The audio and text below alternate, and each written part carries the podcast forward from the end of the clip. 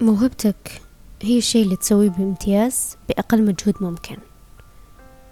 يعني تخيل إنه أنت إنسان ربي حط فيك موهبة من غير ما تدرس عشان تاخذها من غير ما تدفع فلوس في أي حاجة حط فيك موهبة بس أنت اللي تسويها ممكن بيها تدخلك فلوس وظيفتك نفسها ما تجيبها. لحظة إدراك. يعني دايما أسأل يعني مثلا ليش أنا عندي موهبة؟ ليش ربي حط فينا كلنا موهبة؟ ما في أحد ما عنده موهبة بس الإنسان يحتاج يكتشفها. ليش كل واحد فينا عنده خيال معين عايش فيه؟ ليش أنا ما أقدر أشوف خيال أحد ثاني ولا أحد يقدر يشوف خيالي؟ أحس آه، إشارة أكيدة من الله بأنه عنده خطة لحياتي. عشان كذا هو يصحيني في الصباح. لما تخلص خطته لحياتي يمكن ما عاد راح أصحى مرة ثانية.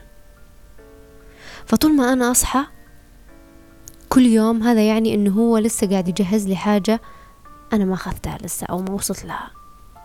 وتأخيرها له سبب أكيد. آه في مقولة لألبرت أينشتاين يقول أن التخيل هو كل شيء.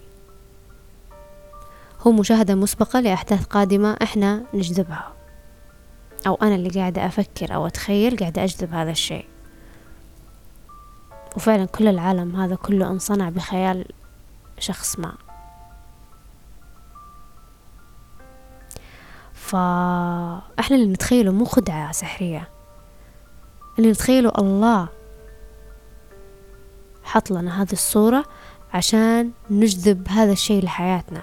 يعني إحنا حرفيا عايشين نتعب في شيء ما هو هو اللي ربي يبغانا نوصل له. يعني أنا دايما أسأل أقول أنا ليش في صورة في خيالي من يوم وأنا صغيرة قاعدة أشوفني في صورة في المستقبل؟ هذا يعني ربي حط حط هالصورة في راسي ويبغاني أوصل لها أنا قاعد أسعى في أشياء بما إنه أنا الحين مثلا يعني طفشانة مرة من وظيفتي ومو عاجبني حالي قاعد أقول أنا إيش قاعد أسوي؟ إيش قاعد أضيع من وقت؟ ما أعرف أحس الوقت قاعد يمشي وأنا ما قاعدة أنجز في حاجة أو ما حققت شيء لنفسي. بعدين قاعد تسأل أنا في صورة في خيالي هذه أنا متى أوصل لها يعني؟ خلاص عمري ستة وعشرين.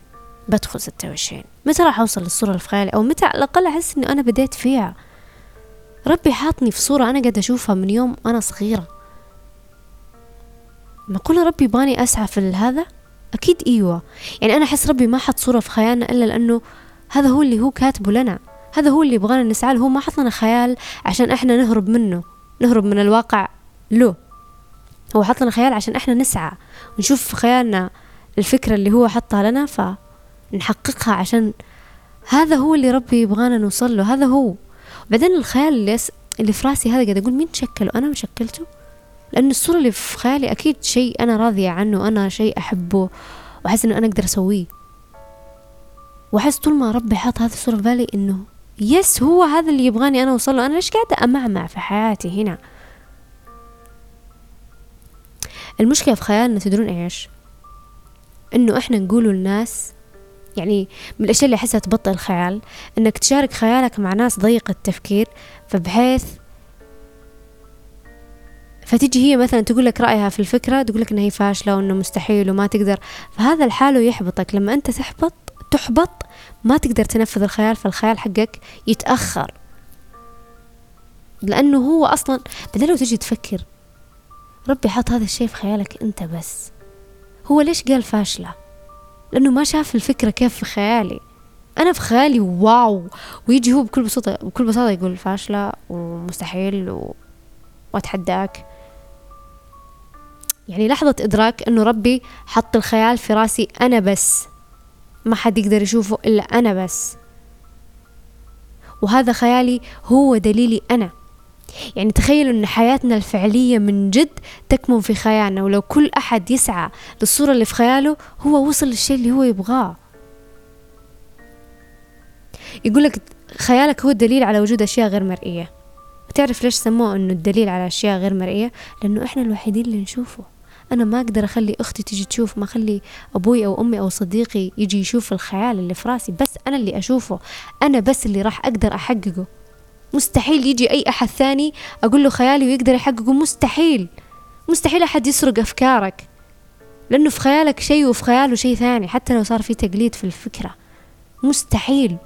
فهالشي يخليني أحس واو ليش أنا قاعدة أستعبط في حياتي؟ أنا من جد لما أشتغل على الخيال اللي أنا قاعدة أشوف نفسي فيه من يعني من يوم وأنا صغيرة.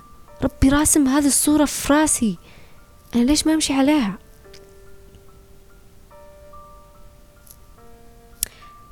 أحس لازم نعرف أن الله ما راح يأخذنا في كل هذا الطريق عشان يخلينا لوحدنا. ربي ما يخلينا نصحى كل يوم إلا لأنه عنده الكثير لنا وعنده خطط نبغى يبغانا نوصلها. هو بس يحتاج إيمان وسعي وإني أجرب. يعني تخيل إنه عشرة بالمية بس في الحياة عشرة بالمية هو اللي يصير لنا وتسعين بالمية هي ردة الفعل على اللي يصير لنا. ما أدري بس الحياة حرفيا إيش؟ يعني ربي ما خلقني عشان يعطيني خيال عشان أستخدمه كل ما ضاقت فيني الوسيعة. أقعد أتخيل كل الأشياء اللي ما أقدر أسويها. ربي حط لي خيال عشان أحقق فيه الشيء اللي أنا أشوفه في خيالي اللي ما حد يقدر يشوفه اللي بس أنا اللي راح أقدر أوصله بهالطريقة. يمكن في كثير يشبهوني في نفس المجال اللي في خيالي بس أنا اللي حتفرد بشخصيتي بموهبتي. أحس لو كل أحد يستغل هالشي فينا في نفسه يعني بيوصل لأشياء مرة حلوة. حياتنا الفعلية في خيالنا.